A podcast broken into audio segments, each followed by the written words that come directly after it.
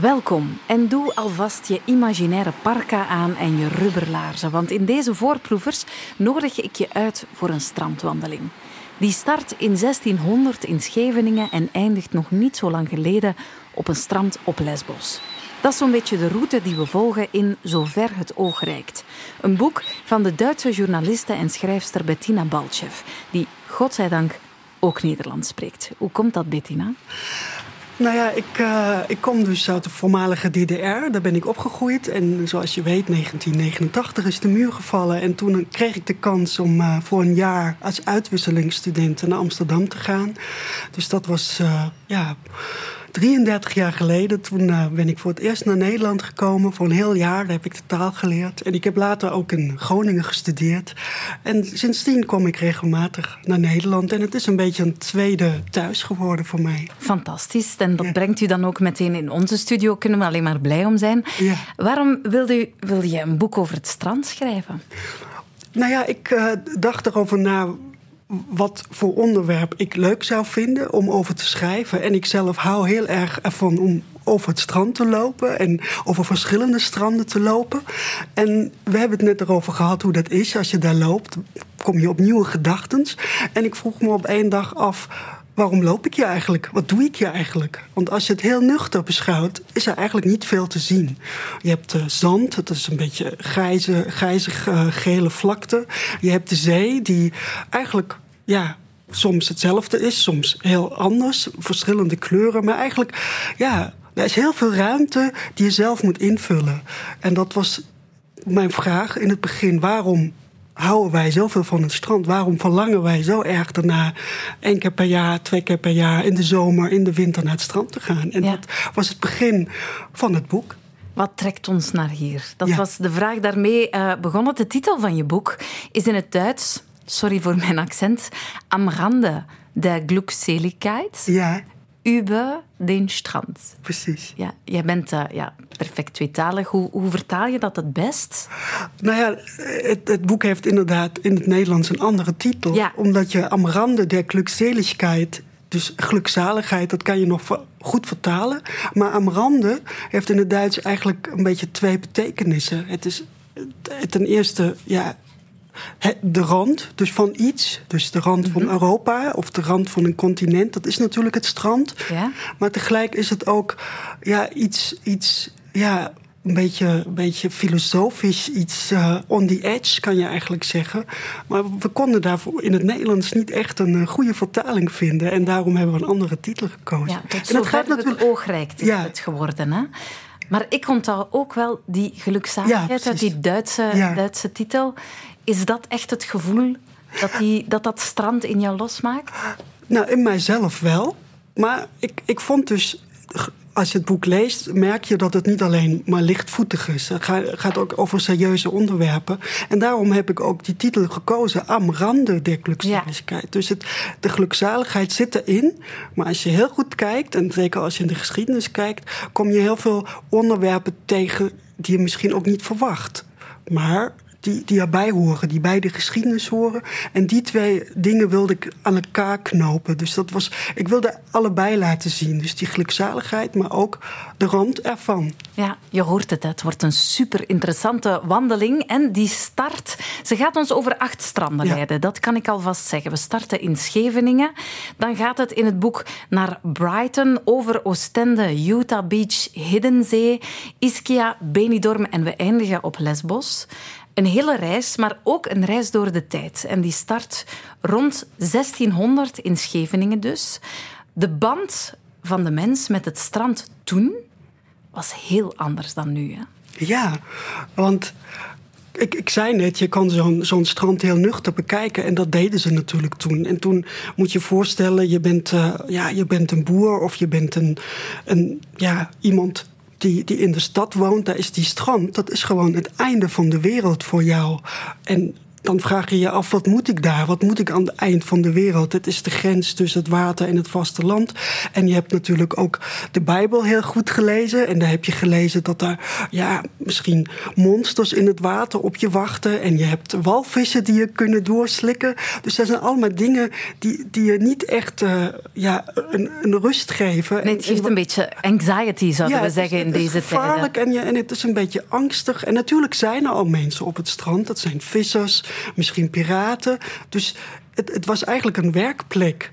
Maar het was geen plek waar je naar verlangde. Want ja, wat ik net zei, einde van de wereld. En sowieso vrije tijd bestond toen ook niet zoals wij het nu hebben. Mensen mhm. werkten, mensen gingen slapen, mensen moesten eten. Maar vakantie houden, dat kenden ze toen helemaal niet. Nee, dus je kwam er als je iets te doen had. Precies. Als je iets functioneel moest doen. Ja. Ehm, in die tijd situeren we ook Simon Steven, ja. een Belg uh, die daar ook uh, passeert. Hij was afkomstig uit Brugge, maar uh, immigreerde naar, naar de noordelijke Nederlanden. Wiskundige. Hij heeft, heb ik gelezen, zelfs het woord wiskunde uitgevonden. Ja, dan moet je echt een heel goede wiskundige zijn. Ja. Maar hij was ook ingenieur en introduceert in 1601 op dat strand in Scheveningen de zeilwagen. Ja. Wat, wat moeten we ons daarbij voorstellen? Nou ja, zeilwagen, dat klinkt voor onze oren niet zo bijzonder. Want zeilwagen hebben we ook nu. Daar kan je, ja, kan je over het strand vliegen. Ja, we denken aan van die karretjes, hè, van, die, kleine karretjes. Precies. En, maar ja, je moet, moet uh, je voorstellen, 16.1, dat, daar bestond zoiets niet. En je had ook nog geen uh, auto's, je had nog geen uh, treinen. Dus je, je had eigenlijk alleen maar de koets en paarden. Daar kon je voortbewegen. En hij heeft dus een zeilwagen gebouwd. Die was tamelijk groot. En die kon dus 20 mensen vatten. En hij heeft ook 20 mensen, of ik moet zeggen mannen, meegenomen. Hm en een heel groot zeil op die zeilwagen. En het is hem gelukt om met die zeilwagen van Scheveningen. Want het begon in Scheveningen omdat hij ook bevriend was met Maurits van Nassau. Dus die wilde die ook graag meenemen. En dan is hij in twee uur tijd is hij van Scheveningen naar Petten gereisd. Dat is 90 uh, kilometer noordelijk. Dus hij heeft dus 40 kilometer per uur met die zeilwagen kunnen bereiken. En dat was natuurlijk onvoorstelbaar. Ja, nu denken wij, in deze moderne tijden, denken wij 40 per uur, ja. kom aan. Maar in die tijd, een, een, een galopperend, een galopperend paard ja. is iets, iets van een 20 à 30 kilometer ja. per uur. En dan race je ineens een zeilwagen voorbij met daarin een prins. Ja. Dat, dus dat was heel bijzonder. En, en, en het was, ook, het was zo'n groot succes dat die zeilwagen daarna ook vaker nog is gevaren. En dat uh, zelfs uh, ja, Tristram Shandy, dat beroemde boek, daar komt het ook in voor. Daar praten twee Engelsmannen daarover dat ze toch zoiets ook moeten bouwen. Maar dan zegt de vader: nee hoor, de paarden zijn steeds beter, beter middel om, om uh, op weg te gaan. Dus het was echt een sensatie. En er werden ook tekeningen van gemaakt. En ja, Simon Steven was echt, ja, je, je noemt hem ook de Da Vinci van België. Dat is echt, uh, die, heeft zo, die was zo slim en knap. En het is, ik heb ook gelezen dat een paar jaar geleden hebben een paar studenten in Scheveningen geprobeerd die zeilwagen na te bouwen.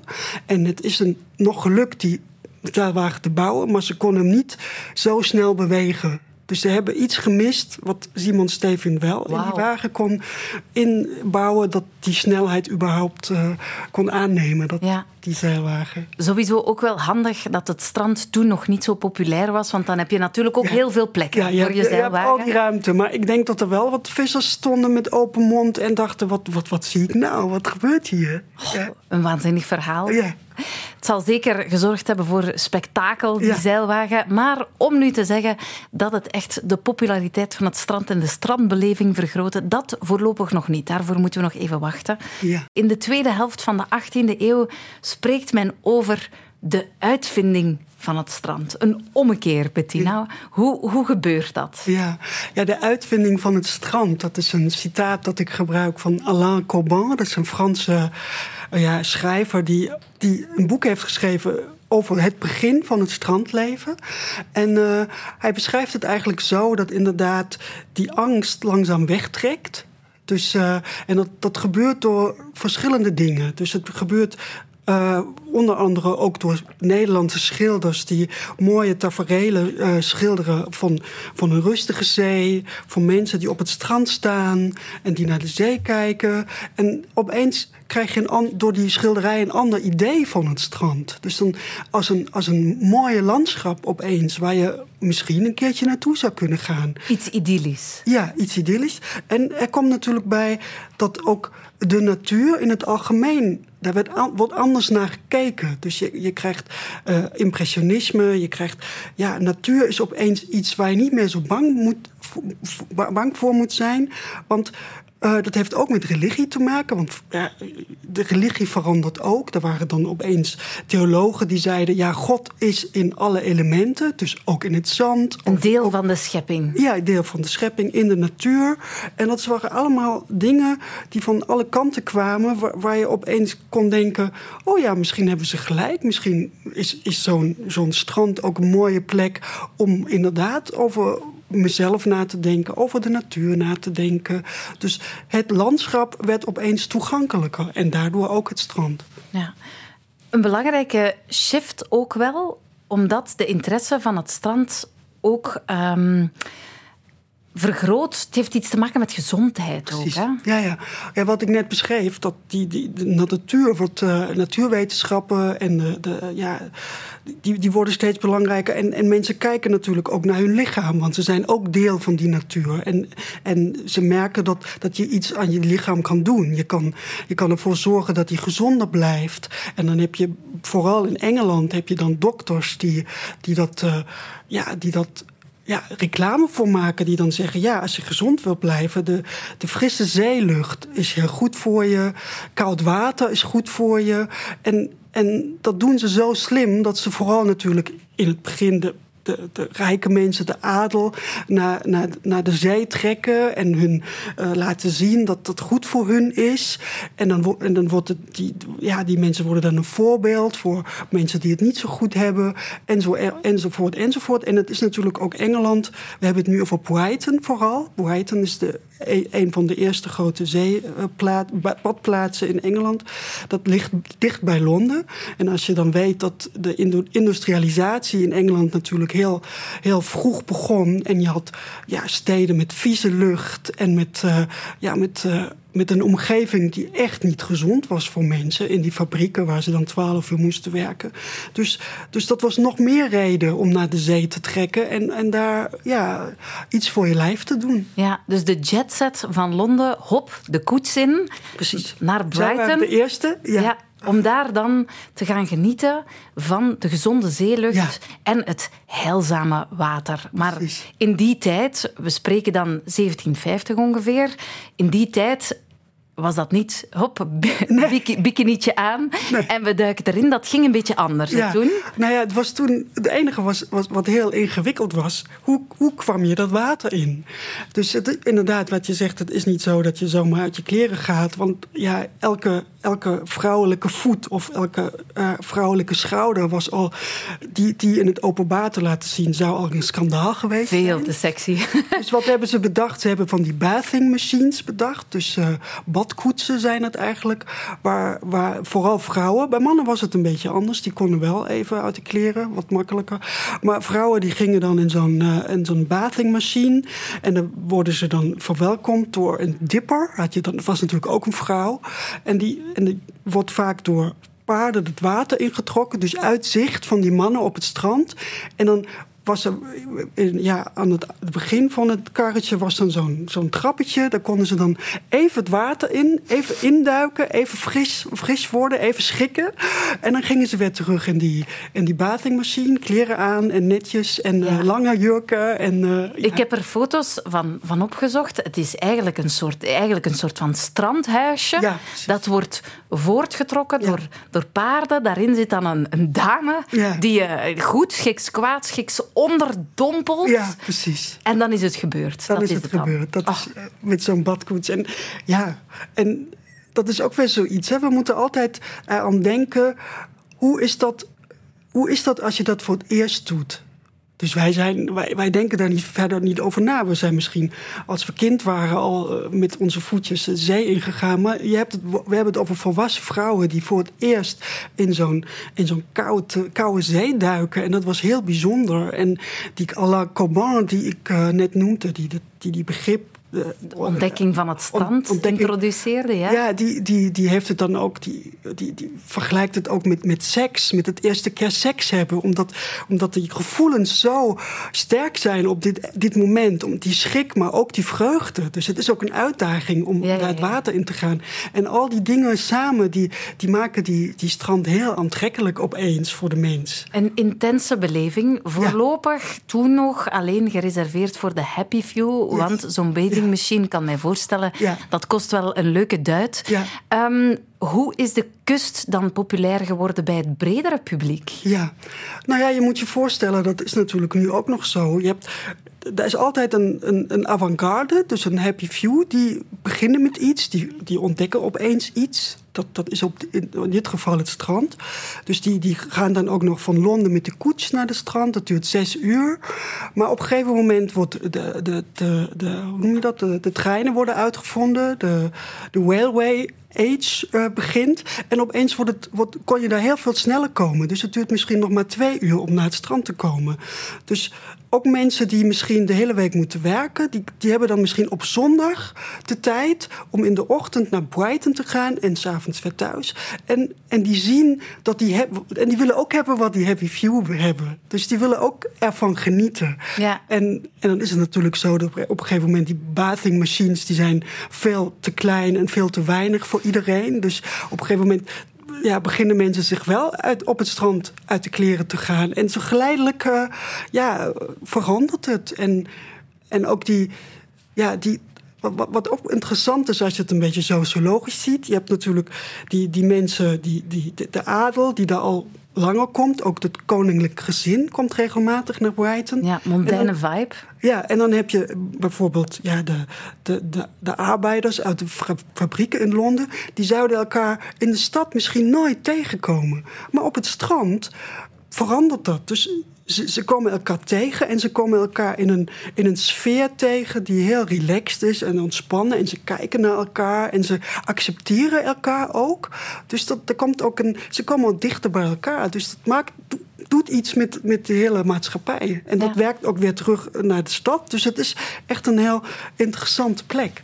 Het verandert wel iets, denk ik, die verbreding. Ja. Uh, verandert wel iets aan de vibe die tot dan hing in Brighton. Want dat was dan eerder een soort van mondain sfeertje. Mensen kwamen er om dan in die koets te rijden, iets aan de gezondheid te doen, wat uit het raam te staren en uh, de zee op zich te laten inwerken en helemaal rustig te worden. Maar dan komt een arbeiderspubliek, komt daar met de trein binnengebanjerd. Die verwachten misschien wel wat andere dingen op de dijk. Ja, die verwachten vooral vermaak. Ja. Dus uh, uh, Brighton, als je, als je daar komt, dan heb je van die, van die piers. Dat zijn echt van die, die lange piers die de zee ingaan. En dat zijn eigenlijk, ja, is eigenlijk één grote kermis. En als je dan leest dat op zo'n strand in Brighton, daar, wa, er was gewoon van alles. Daar, werden, werden sieraden verkocht, daar waren, waren uh, clowns, daar waren allerlei dingen. Ja, muzici. Dus het was één groot feest op het strand.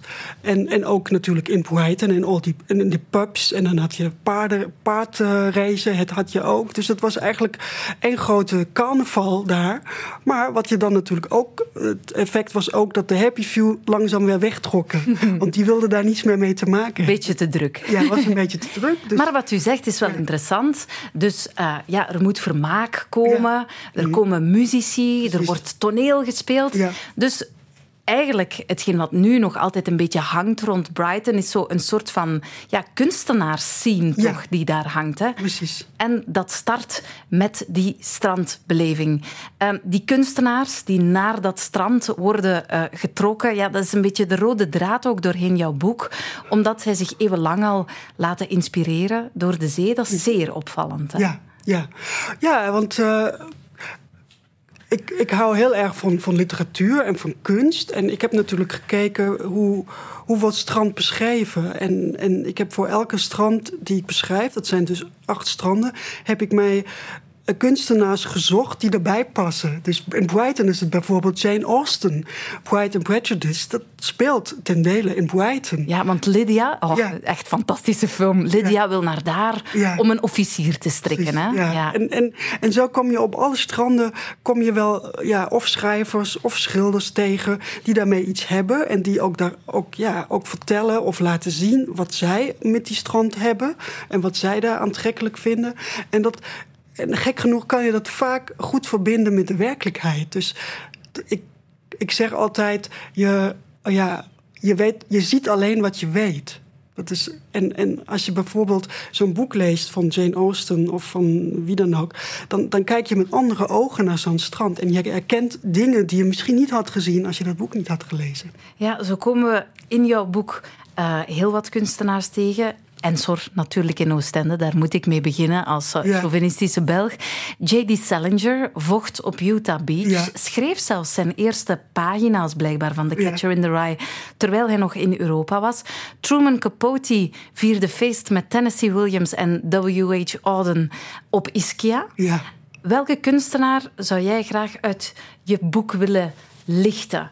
Welke heeft een speciaal plekje in jouw hart verkregen?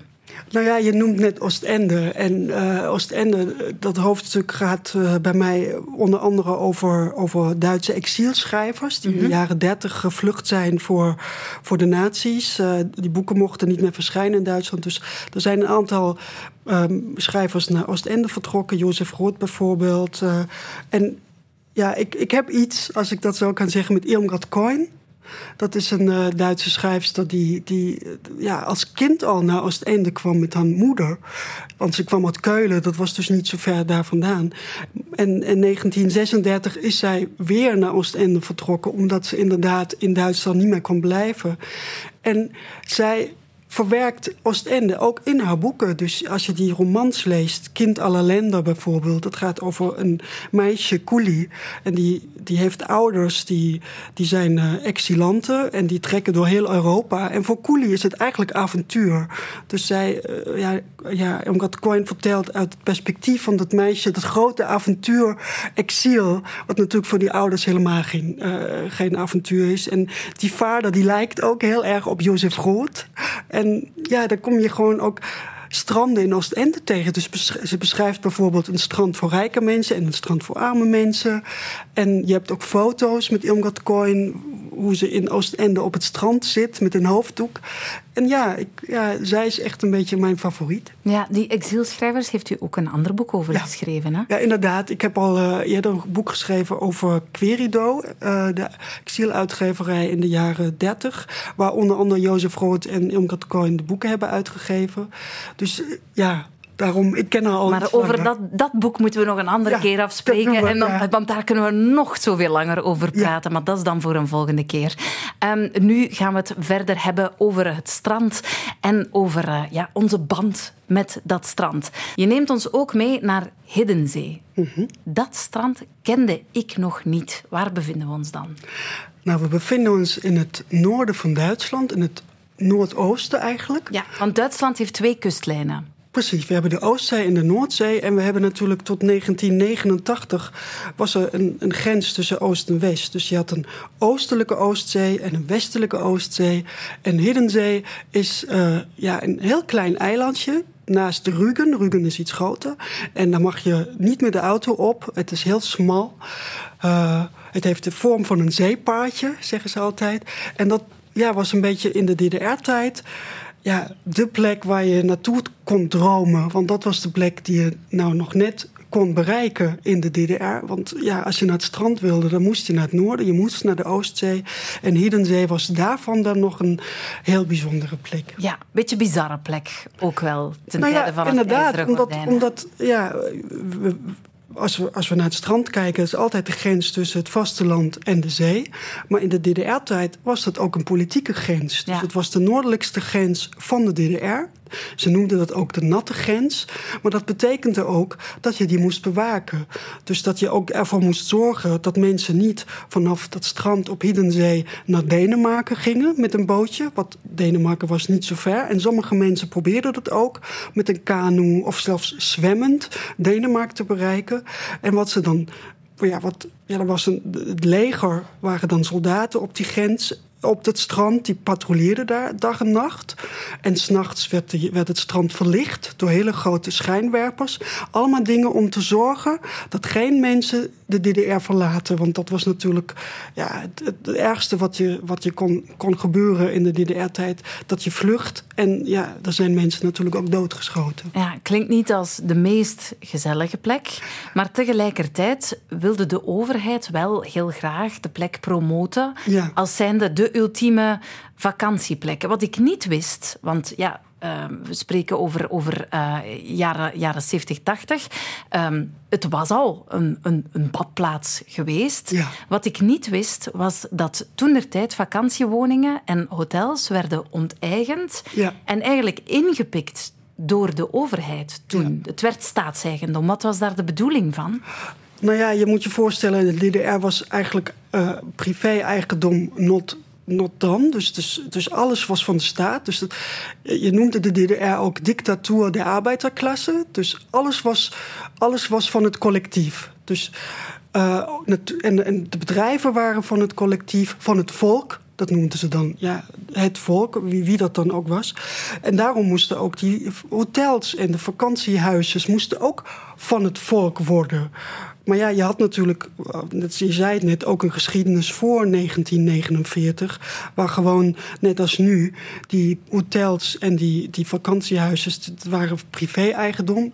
En, die, en, en er was een, in de jaren 50 een hele grote actie om die mensen te onteigenen. Om, om het terug te geven aan het volk. Dus dat was natuurlijk ook een heel, ja socialistisch verhaal dat, dat ze positief hebben opgeblazen. Dus ze zeiden dan ook: wij geven het kapitalistische eigendom terug aan het volk, want het hoort bij het volk. En het volk mag dan ook uh, ja, in die hotels wonen en die mogen daar vakantie houden. En het probleem was inderdaad een beetje: je had 15 miljoen burgers in de DDR, maar die strand was behoorlijk kort. En dus iedereen wilde daar naartoe. En die vakantiehuizen die waren, waren natuurlijk altijd overboekt. En die hotels waren, zaten ook altijd vol. Dus ja, die, die, die DDR-burgers behielpen zich dan met camping en met tenten. Ja. Maar ja, als je, als je maar zo'n klein stukje hebt waar, waar je je verlangens kan, kan ja, waarmaken op het strand, dan, dan is dat een bijzondere plek. Je bent zelf geboren in 1973 in Erfurt, DDR dus. Ja. Ben je er als kind ooit geweest op Hiddenzee? Ik ben op Hiddenzee niet geweest, want omdat het zo'n klein eiland was. Je geraakte niet binnen. Ja, ik, ik, ja inderdaad. Ik, ik, kon, ik kon niet binnenkomen, want ja, die, die, die huizen die waren verdeeld uh, aan, aan mensen die, die in bepaalde bedrijven werkten, of, of die misschien bij de regering werkten. Of je had ook in de DDR een Happy Few, ook al wilden ze dat niet toegeven, maar de Happy Few die mochten dan naar Hiddenzee. Maar ik was dan op Rügen, dat was het grotere eiland. Daar was ik met, mijn, met een schoolklas, kon ik daar komen. En ik ben wel naar de zee geweest. Alleen Hiddenzee heb ik inderdaad pas, uh, pas kunnen bezoeken na 1990. Ja. Jouw boek begon in Scheveningen uh, met de angst van de mens voor het strand en de zee. Uh, in het laatste hoofdstuk van jouw boek, hetgeen gaat over Lesbos, keert die angst voor de zee terug eigenlijk. Ja, hè? Want het ja. stukje Egeïsche Zee tussen Lesbos en Turkije, Mhm. dat is geen zee om vrolijk van te worden. Nee, nee. Nou ja, kijk, we, wat we nu hebben besproken, naar het strand gaan, dat betekende in, in de meeste gevallen, je komt van het land. Je, je, je, woont in een grote stad, je woont ergens in het, in, het centrum van Europa. En als je naar het strand wil, dan ga je met de auto, je gaat met de trein. En, en op een gegeven moment zit je op het strand. Maar wat op Lesbos gebeurt, het draait om. Hier, hier komen mensen die verlangen hebben naar het strand, naar het Europese strand moet je dan zeggen. Die komen via de zee. Die komen van Turkije, die komen met boten. Dus dat is de andere richting. En wat gebeurt er? Die mensen die van het land komen, dat zijn dan die toeristen of ja, de strandliefhebbers uit Europa, die, die al veilig hier zitten. Die komen opeens mensen tegen die ook een verlangen hebben, maar een heel ander soort verlangen. Zij verlangen naar veiligheid. En voor hun is het strand ook een, een plek waar ze ja, waar ze van dromen. Maar op een heel andere manier dan die toeristen. Die toeristen willen eigenlijk hun, ja, hun ja, alledaagse leven voor een paar dagen achter zich laten. En die, die, uh, die vluchtelingen die willen, die willen eigenlijk een nieuw leven. Die zoeken hun geluk ook op het strand van Europa. Dat is de plek van waar ze dan zouden kunnen vertrekken naar, die, naar het centrum van Europa en daar een nieuw leven beginnen. Ja, ik ben er ooit uh, zelf ook geweest op Lesbos, een tweetal jaar geleden bizarre plek. Ja. Nou ja, het is. Wat heel gek is, dat uh, als je daar komt, als, zoals wij uit, uit België of uit Duitsland, dan kom je daar met een vliegtuig en dan neem je een taxi naar de hoofdstad en dan, dan heb je misschien een Airbnb'tje of je hebt een klein hotelletje. Ja, je passeert leuke, leuke restaurantjes, fotogenieke vissersdorpjes. En, en, en, dan, en dan opeens eh, ik, ik heb dan ook Moria bezoekt, dat, uh, dat, uh, dat camp waar al die vluchtelingen dan mhm. worden opgevangen. En, daar en daar heb je geen elektriciteit, je hebt geen warm water, je hebt eigenlijk niks. Dus ze ja, er wordt voor gezorgd dat die mensen zich niet goed voelen en dat ze eigenlijk het liefst weer weg willen. En dat is natuurlijk. En als je daar zelf komt als Europeaan, dat dat breekt je hart. Want je, je komt kinderen tegen die, die vies zijn, die, die, daar, ja, die in dat kamp spelen in de stof en, en, en de opstoffige straten. En, en je denkt, wat is dat? En tegelijkertijd, als je dan hoort dat die toeristen wegblijven. Want die willen dat niet zien, want dat, dat besmet natuurlijk hun, hun uh, vakantiegevoel. Dat betekent ook dat heel veel hotels leegstaan, heel veel vakantiehuisjes leegstaan. Maar wat niet mag, dat die vluchtelingen worden opgevangen in die hotels. En dat vond ik zo vreemd, want er is eigenlijk ruimte. Maar er waren ook hoteleigenaars die hebben dat gedaan. Die hebben gezegd, oké, die kamers staan leeg. Ik neem vluchtelingen op. Maar die kregen dan een shitstorm over zich heen. Ja, ja het Want is zelfs zover dat, uh, dat locals mogen, mogen vluchtelingen ook niet vervoeren. Hè? Als we een vluchteling ergens vinden op het eiland... mogen ze ze zelfs niet met de auto naar het kamp brengen. Mag niet. Het is, het is een, een... Ja, Lesbos op zich, die natuur en die stranden... het is echt een paradijs. Maar als je daar niet van de, bij wijze van spreken, niet van de goede kant komt, dan is het de hel. Ja, ja. Waarom moest het verhaal daar eindigen voor u op Lesbos? Nou ja, ik, dat was inderdaad iets wat, wat ik heel belangrijk vond, dat, dat Lesbos daarin voorkomt. Want daar speelt zich heel veel af op het strand. Dus het strand is echt een symbool voor Europese politiek die niet werkt. Dus mensen die, die toevlucht vlucht zoeken, die, die komen daar aan en mogen niet blijven. En het was voor mij belangrijk dat het rond wordt, weet je. We, hebben dus, we zijn begonnen in Scheveningen met die zeilwagen, 1601 en zo. En dan, en dan je gaat de geschiedenis door en je, je eindigt in de, in de tegenwoordige tijd. En, en dat kan je niet zonder over Lesbos te schrijven. Lesbos is natuurlijk ook maar één voorbeeld. Er zijn natuurlijk nog meer stranden. En ja, Lesbos, ik, ik, ik wist van begin af aan, ik kan Lesbos niet niet buiten de deur laten, want het hoort er gewoon bij, bij die strandgeschiedenis. Ja, het laatste strand in het boek waar je ons mee naartoe neemt. Als ik u zou vragen om één strand uit je eigen boek te kiezen waar je in een bepaalde periode had kunnen bij zijn, waar en wanneer zou je dan landen? Ja, nou ja, we zijn hier in België en het klinkt een beetje zo alsof uh, ik uh, dat alleen maar zeg omdat we nu in Brussel zitten. Maar het is inderdaad Oostende in de jaren 30. Omdat ik zo bezig was met die mensen daar, met die exilschrijvers. Omdat ik daar heel veel boeken van hun heb gelezen. En ja, ik, ik leefde heel veel met hun mee. En het idee één keer Jozef Rood of Elmar Coin te ontmoeten in die tijd op het strand van Oostende, dat lijkt me wel uh, een heel, zou wel een heel bijzonder moment geweest zijn. Dus uh, ik zeg Oostende. Oh, ik wou dat ik u dat moment cadeau had kunnen geven, maar helaas, zo, zo groot zijn mijn krachten niet. Ja. Bettina Baltjev, ik wens jou een heerlijke zomer. Wordt ja. het een strandvakantie?